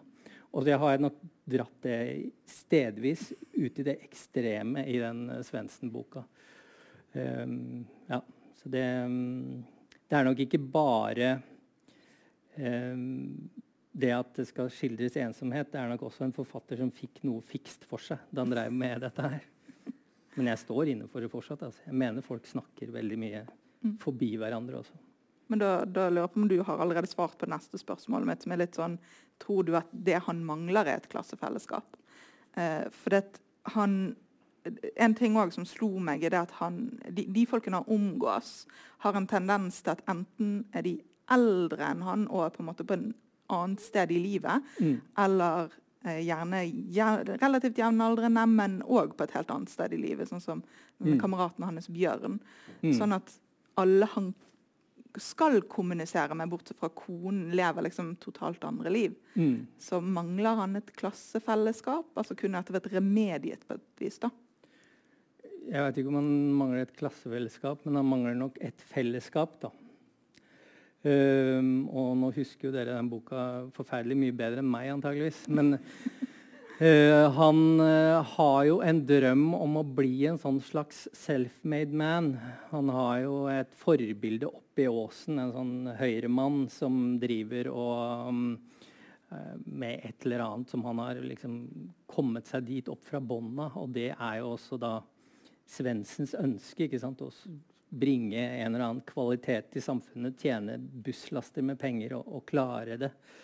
Um, så jeg tror vel det er det som ofte er utgangspunktet hans, og at det er en slags sånn enspora tanke. Da. Uh, og det er jo visse ting med han som jeg tenker at han er kanskje ikke den mest samarbeidsvillige og den første du ber ut hvis du skal ta et sånn dartfellesskap med kompiser eller noe. altså Invitere Johannes. Jeg, jeg, er ikke så sikker på det. da.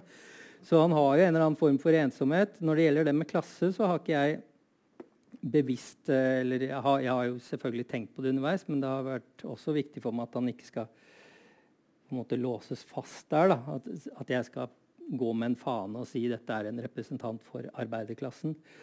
Um, og blant annet ved, altså, man er jo gjerne født inn i en klasse. Um, og det var også en av de fikse ideene mine som jeg fortsatt uh, syns var ganske fin. Det er at det er, det er, ingen barndom der. Det er ikke noen foreldre, det er ikke noe som på en måte kan peke hvor han kommer fra. da. Eh, og det var primært fordi jeg ikke ville at det skulle altså de jeg huska ikke at de var så forferdelige, de tingene han gjorde, men de var kanskje litt drøye, noen av dem. Eh, altså, det skulle ikke forklares med at mora hans hadde vært slem en gang da han gikk i første klasse. Altså, for det er så drittlei sånn eh, norsk skjønnlitteratur hvor eh, det er psykologi i grunnfag som er forklaringa på alt. Eh, og derfor så, Det skal i hvert fall ikke være en mor der som har vært slem mot den. Eh, og jeg skulle heller ikke gi den noe sånn eller Jeg skulle ikke ta forbehold og gjøre meg lekker for leseren ved å um, gi den bikkja tre bein i stedet for fire, så han hadde liksom et sånn ømt punkt i livet. Eh, og Det ble nok enda viktigere i den siste boka, men det, um, det er jo litt det der da, at han, han, kommer liksom ikke fra noe sted. Altså, det er ingen forklaringer, og derfor så er han jo også kanskje ensom fordi forfatteren har satt den i en ensom posisjon, men det det er nok litt også typen som har satt seg der. Men nå sa du eh, i stedet at du ikke eh, du forholder ikke til deg, deg, til dette med mannsrollen og sånt, men jeg har ikke tenkt å la deg slippe helt unna likevel. Nei, bare um, gi meg inn.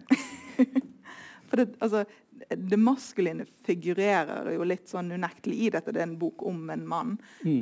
um, som på en måte går gjennom et samlivsbrudd, som er en ganske sånn aktuell problemstilling både da og nå, tror mm. jeg. Så det er noe vi i hvert fall ikke slutter å snakke så veldig mye om.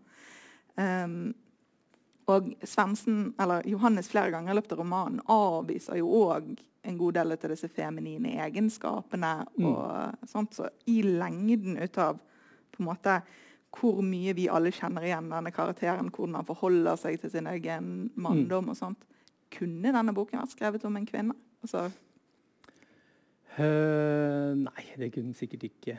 Um, det måtte i hvert fall gjort uh, blitt gjort på en annen måte, da, med, med, visse justeringer. Altså jeg tenker Det som kanskje går mest inn i den, det som gjør den så veldig mann, da, og det er jo også en litt sånn leik med de der klisjeene om at menn snakker ikke om følelser, damer snakker om følelser. Han, han snakker jo bare om følelsene sine. Det er det, mm. det er det, boka handler om, egentlig. I tillegg til ensomhet. da. Eh, at han, en fyr som bare babler i vei om følelsene sine. Og det blir jo kanskje ekstra tydelig i det som var uh, tatt ut som et sitat her fra den der uh, terapisession.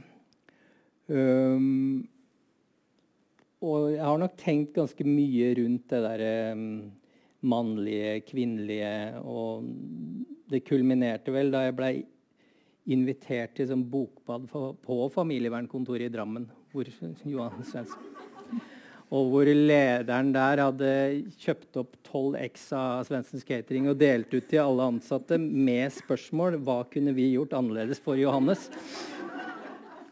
Eh, og da var det ei, ei dame som eh, Der For de var jo psykologer. Jeg hadde jo hatt en psykolog til å lese dette, her, for det var først en psykolog, og hun sa det der er ikke en psykolog, det er en sosionom. Eh, og det veit egentlig ikke jeg noe om, da. Men jeg hadde jo ikke i, i, Da hadde jeg ikke erfaring med det. Det har jeg fått siden. Men eh, jeg hadde ikke det da. Men da var det i hvert fall ei dame der som sa at hun var så drittlei av å få inn på terapirommet eh, de mennene som en gang hadde hørt at de var så gode til å snakke med om følelser.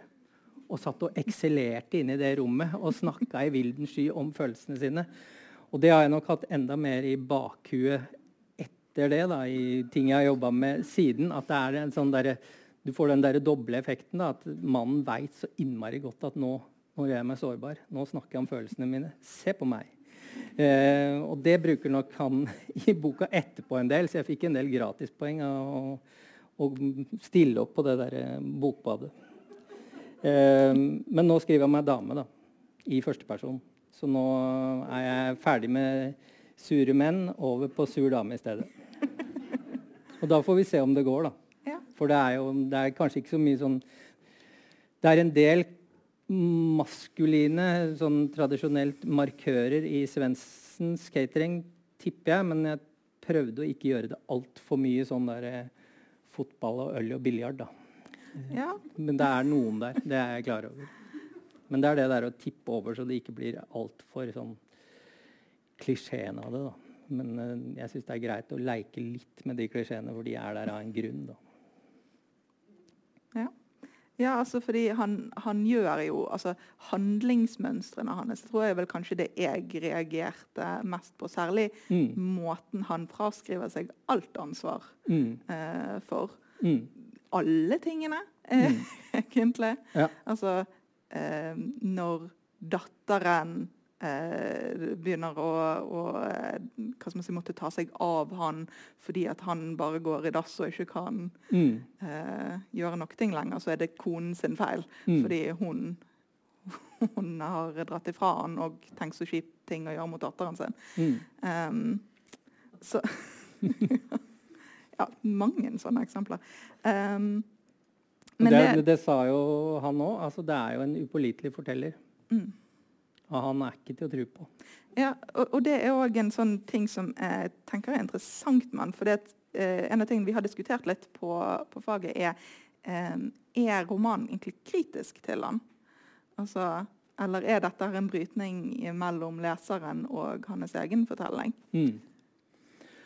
Eh, Altså, jeg må nesten tror jeg må begynne der hvor det altså Utgangspunktet mitt for å skrive den, da, for etter at forlaget var helt tause, så de, meldte de seg på igjen helt på slutten. For da ville de at han skulle på en måte se lyset, bli et bedre menneske. Eh, skjønne at han hadde vært slem mot kona og dattera.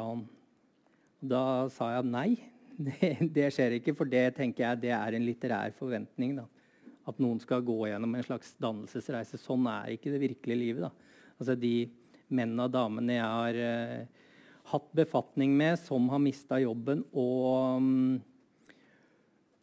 sliter i ekteskapet, de er ikke nødvendigvis så opptatt av å finne ut hva som er det gode i den andre.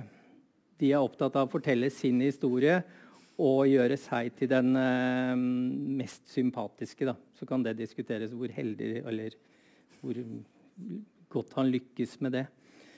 Men, så jeg tenker vel at det er um, noe av kjernen her. Da, den derre upåliteligheten, rett og slett.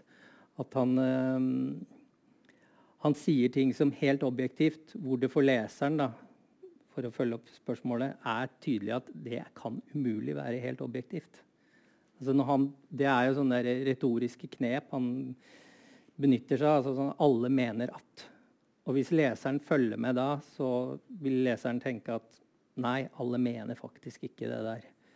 Eh, og Det er veldig mye snakk om sånn undertekst i prosa. og Det er ikke sikkert det er så veldig mye undertekst i Svendsen, men jeg har tenkt at det skal være mulig å være en slags sidetekst. da, i hvert fall for leseren, leseren kan gå inn og tenke at sånn trenger det ikke være. Altså, Det er ikke sannheten nødvendigvis fra Linas ståsted eller fra datteras ståsted.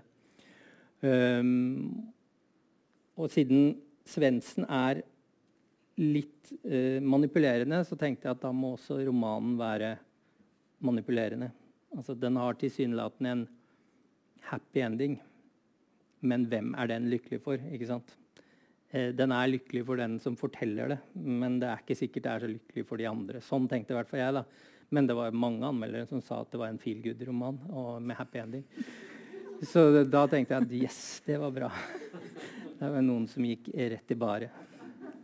Det, det, er vel kanskje en andre del av dette her, som òg har vært en kontroversiell ting. Mm. Eh, meg og Vemund mm. blant annet, har vært ganske uenige for dette her, som er eh, Kan og bør vi sympatisere med Johannes?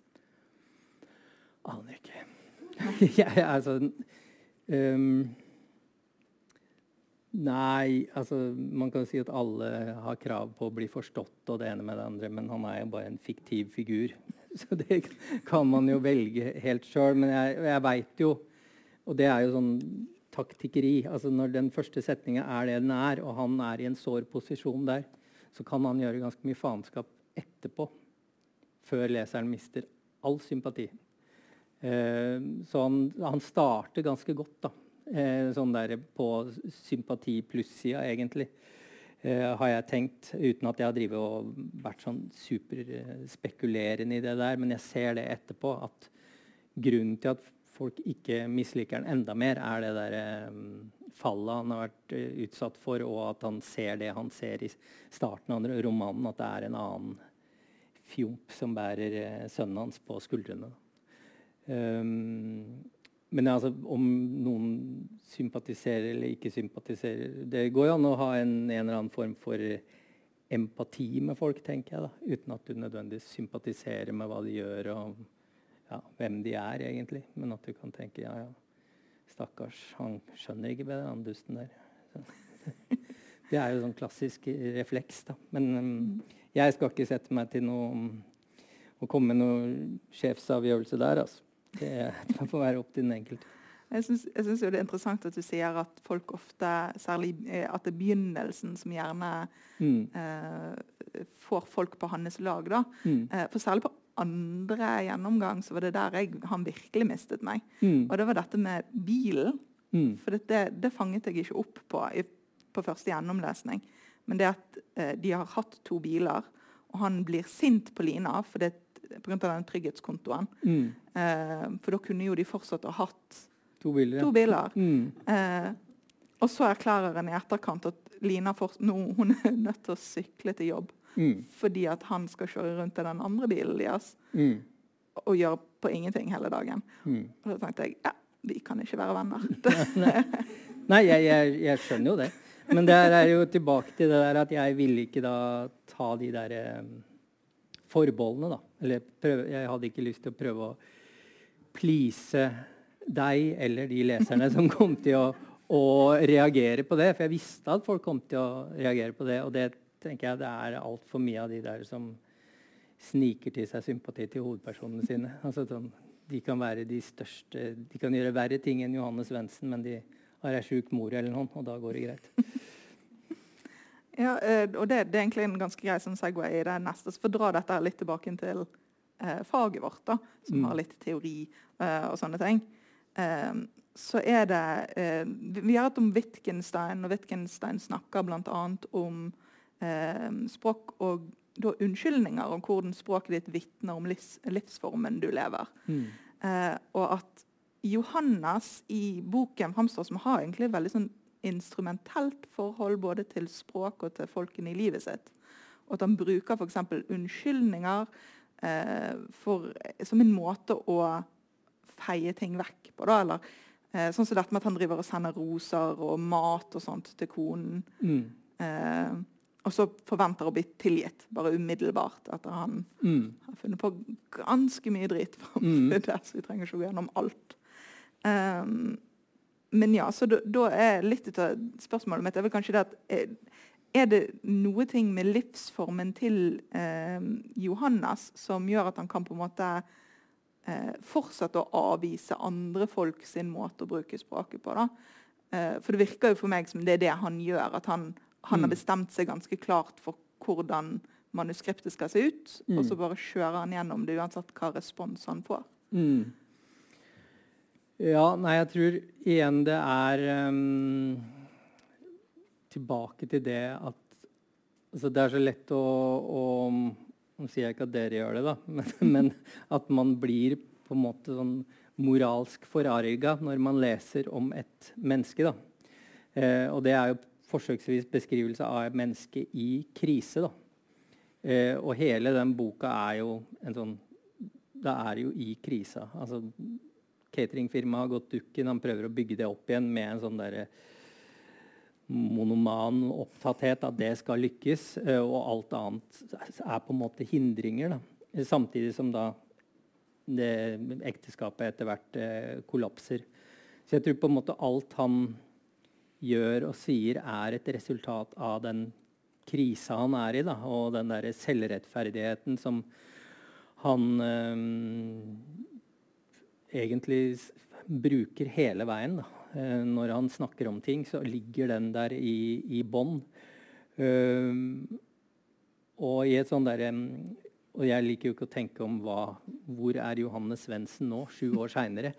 Men altså, hvis jeg hadde tatt den karakteren i, i lykkeligere omstendigheter, uh, så kunne det jo vært at han hadde en større sånn, åpenhet for andres uh, henvendelser, andres språk, andres måter å være på. Men nå er piggene ute hele tida, da.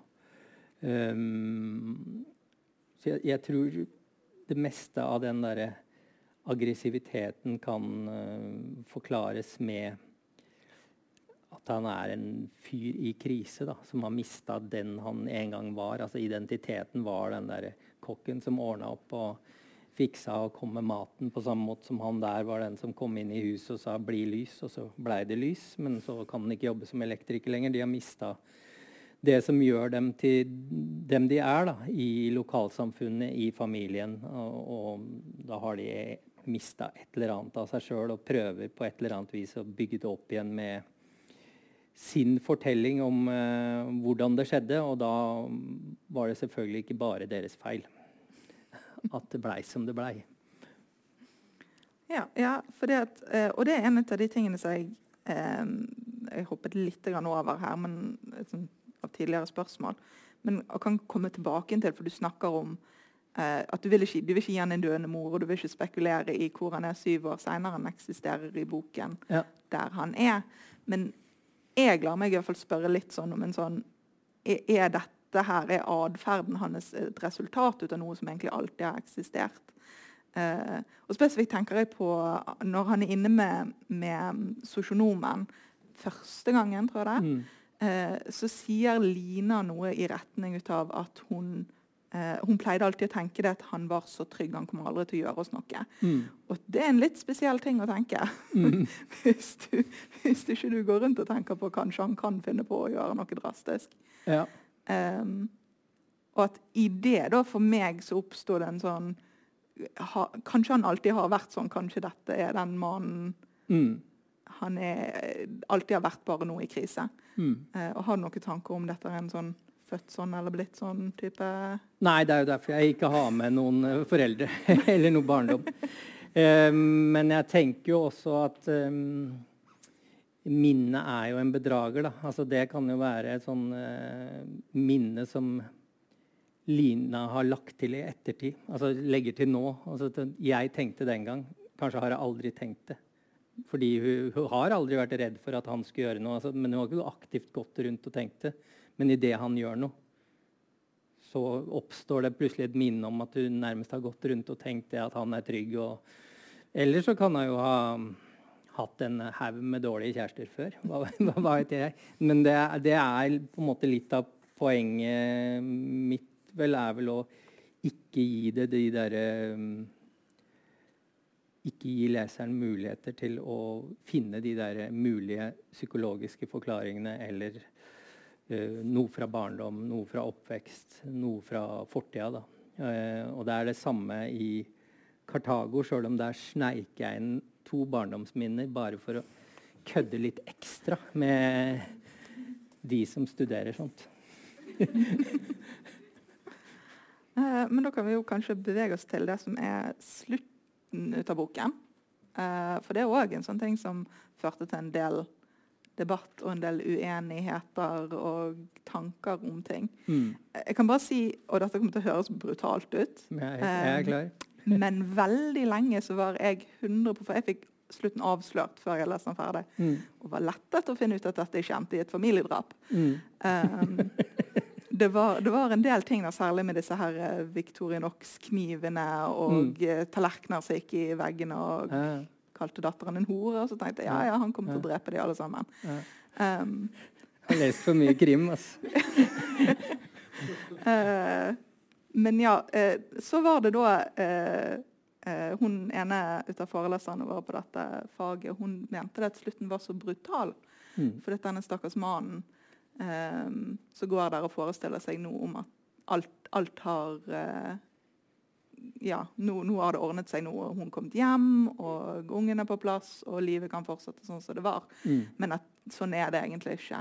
Nei. Og uh, hun kommer til å dra igjen snart. Mm. Um, jeg, min hypotese er jo den at hun, hun kommer til å bli at dette kommer til å ta noen år eh, før det faktisk ender for godt. Men jeg vet ikke om mm. du har noen tanker om hvordan du, du avsluttet din egen bok, og hvorfor? Nei, det var jo litt det jeg sa i stad, at jeg ville at den skulle være litt sånn manipulerende, den også. At den tilsynelatende ser lykkelig ut. Men jeg tenker det er jo I den grad jeg er villig til å spekulere i de retningene, så er det jo ikke antageligvis en lykkelig utgang for noen av dem, sånn som det ender. da. Altså, jeg tror jo ikke at uh, kona har det bra med seg sjøl når hun vender tilbake. At det er utelukkende pga. unger, eller ja, for å, at han ikke skal gjøre noe verre. Jeg veit ikke. Jeg hadde nok aldri tenkt i Victorinux drap-retningen, men uh, så, så, det var min tanke, at den skulle på en måte gi han en slags fred der og da. For jeg tenker at denne boka fortelles fra siste punktum. Altså det er det han overskuer. Um, og der så har han på en måte funnet en slags um, ro i sjela, da.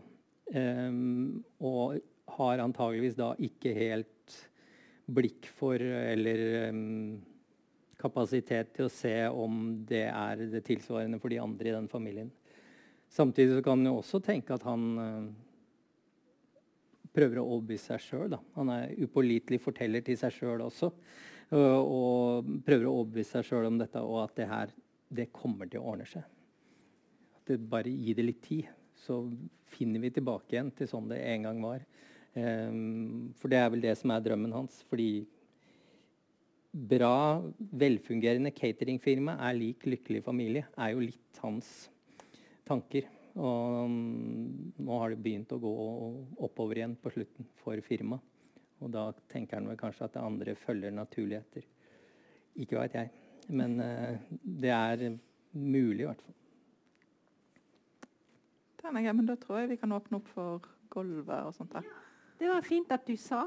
Um, jeg vet at noen her har spørsmål til deg også fra salen. Hadde ikke du et f.eks. bilde som jeg var litt glad i? Så hvis du kan si det, og så skal jeg prøve å gjenta det, så mm. alle hører det. Mm. Fikk alle med seg altså Det Vilde spør om, er om denne, denne, karakteren som Kyrre skriver inn i romanen, som da, altså er en ekstrahjelp som uh, Svendsen får på et tidspunkt. Og denne ekstrahjelpen er en forfattertype. Uh, og uh, denne forfattertypen er Johannes veldig kritisk til. Mm. Så er dette et forsøk på å på en eller annen måte ja, skal si, forhandle litt om din situasjon som forfatter? Mm. Ja, så det var kanskje... Jeg henger ut Johannes, så kan han henge ut meg? Litt sånn, ja. altså for ja. å helgradere deg litt, for å si det, sette det på spissen. ja, eh, jeg skulle ønske jeg hadde vært såpass glup som dere tiltror meg. Eh, men det er jo gjerne ofte veldig banale forklaringer på disse tinga her. Eh,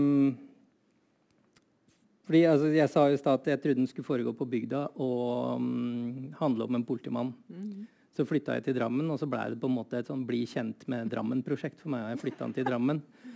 Tok ut disse bussene og hørte på damer som prata om han. Uh, og så fant jeg ut at han skulle Han måtte ha et yrke hvor uh, mye ut fra det vi har snakka om, da, altså, hvor, Hvis det gikk bra på jobben hans, så fikk han all skryten, og hvis det gikk dårlig, så gikk også all, alle skjellsord er hans retning. Og så kom jeg på at jeg, ah, jeg liker jo mat. Kanskje han skal være cateringkokk.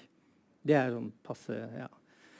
Uh, og dagen etter så ringte fetteren min meg og spurte om jeg kunne jobbe um, for han i cateringfirmaet hans. Da tenkte jeg at dette er for godt til å være sant. Nå får jeg research betalt. Um, så det var egentlig en sånn hilsen tilbake til fetteren min og dem som hadde hatt med meg eh, på jobber. Da. Eh, den lille greia der. Og det var veldig mye mer sånn selvforakt tatt ut. Antageligvis fordi det hadde stått rolig en periode, og så fikk jeg liksom skriveflyt igjen, og da skal all selvforakten ut. Eh, sitte der og få sånn kunstnerstipend for å gjøre ingenting. og sånn. Um, så det er, veldig, det er strykemye der. Av mye mer drit om han der Andreassen. Aha. Ja, men det er jo alltid kjekt liksom, mm. for oss som uh, grubler over hver minste lille detalj. Og Omtrent ingen tanke bak.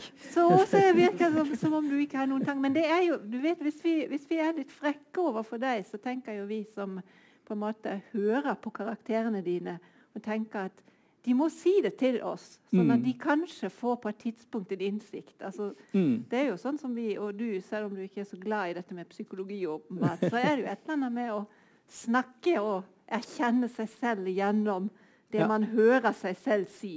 Ja. Og jeg tror det er et eller annet der også Men nå gikk jo ikke det så bra med Johannes. Men, ja. men jeg tror jo at forfatterne kan få en aha-opplevelse om bøkene sine ved å møte Helt klart. respons. det er veldig mye jeg ikke hadde tenkt på før, så jeg får ikke gjort annet enn å tenke resten av kvelden. ja, men Det var jo veldig bra. Nå kunne vi nesten ha sluttet her, men jeg har jo lovt at alle som har lyst til å stille sine spørsmål, skal få lov å, å gjøre det. Er det flere som har pønsket på ting? Vemund har selvsagt et spørsmål. Nå har ikke du mikrofon lenger, men jeg kan gjenta. Jeg kan gjenta. Mm. Ja, altså Det Vemund antyder her, men nå fikk alle vel høre det, eller? Mm. altså Vemund spør om det om, eh, om dette ekte, om, om ekteparet har gått liksom ulike veier fra sitt utgangspunkt. Og Line har liksom eh, jobbet seg opp og har, står nå for en kulturell kapital som Johannes ikke har. Og at de av den grunn kanskje også er litt atskilt. Men det er, jo, altså, det er jo riktig at Lina har en helt annen altså, Under dette middagsselskapet, som jo Lina Bare for å følge litt opp på dette her um, som jo Lina arrangerer eller eh, hun, hun arrangerer vel denne bussreisen mm. til denne utstillingen, mm. hvor, uh, hvor, Johannes virkelig avslører at han rett og slett faktisk altså Jeg syns personlig at det er noen av de beste scenene i denne romanen. nemlig når han avslører at han har et fullstendig annet kunstsyn, men som mm. samtidig også faktisk avslører noe av her, et, det etablerte kunstsynet. altså Det her mm. desinteresserte kunstsynet. som altså, altså her, de, de, går rundt og beundrer disse fillene. Og så kommer han og sier hva, hva, skal vi kjøpe den her, og så kan hunden kanskje ligge på denne fyllen. Og så, når jeg så på prisen her, så var det selvsagt helt uaktuelt å gjøre det. Altså Det er et eller annet her med den forhandlingen rundt kunstsynet mm. som jeg likte veldig godt. Men uh, kanskje, kanskje, dette også bare var en tilfeldighet. Nei, jeg har veldig mye mot uh, striekunst. Det er, det, er, det er bare forakt for striekunst. Men jeg tenker jo det er, der er det forbindelseslinjer til uh, som ble sagt om Trygve Skau i stad. Mm -hmm. Så det der med altså Han er jo plassert på en buss med folk som på forhånd har bestemt seg at nå skal vi se på noe kjempefint. Vi er, på, vi er enige om at dette er dritbra. -hmm. Og så går han i som en sånn elefant på glassmagasinet og sier at han syns ikke det er bra. Mm. Og det er jo litt det derre Jeg tror jo mye av den Trygve Skau-poesien. Altså, det handler ikke om å finne det unike ene som jeg liker, men å finne fellesskap. Altså, det, der, det, er flere som har den samme koppen. Det blir som de der teite luene som også er lagd som folk flyr rundt med, hvor det står 'Norge er ikke skapt for å sitte på ræva'. Det blir litt de der slagordene, da. Eh, og da får du et fellesskap, fordi egentlig så lengter alle tilbake til én TV-kanal og NRK at vi alle så det samme på fredagskvelden og lørdagene. At vi hadde noe å snakke om. Og det kan vi gjøre når vi alle er enige om at jævlig fint det Trygve Skau la ut i går. Ja. Nei, men kanskje vi skal avslutte der, da. Med denne her, eh, hva skal jeg si, litt sånn falske drømmen om et fellesskap, eller. Psykologiserte ja. hele Norge til slutt. Nemlig. Nei, men tusen takk, Kyrre. Vi er veldig glad for at du kom til oss. Og eh, du har sikkert gitt oss minst like mye å tenke på, så tusen takk. Takk skal du ha.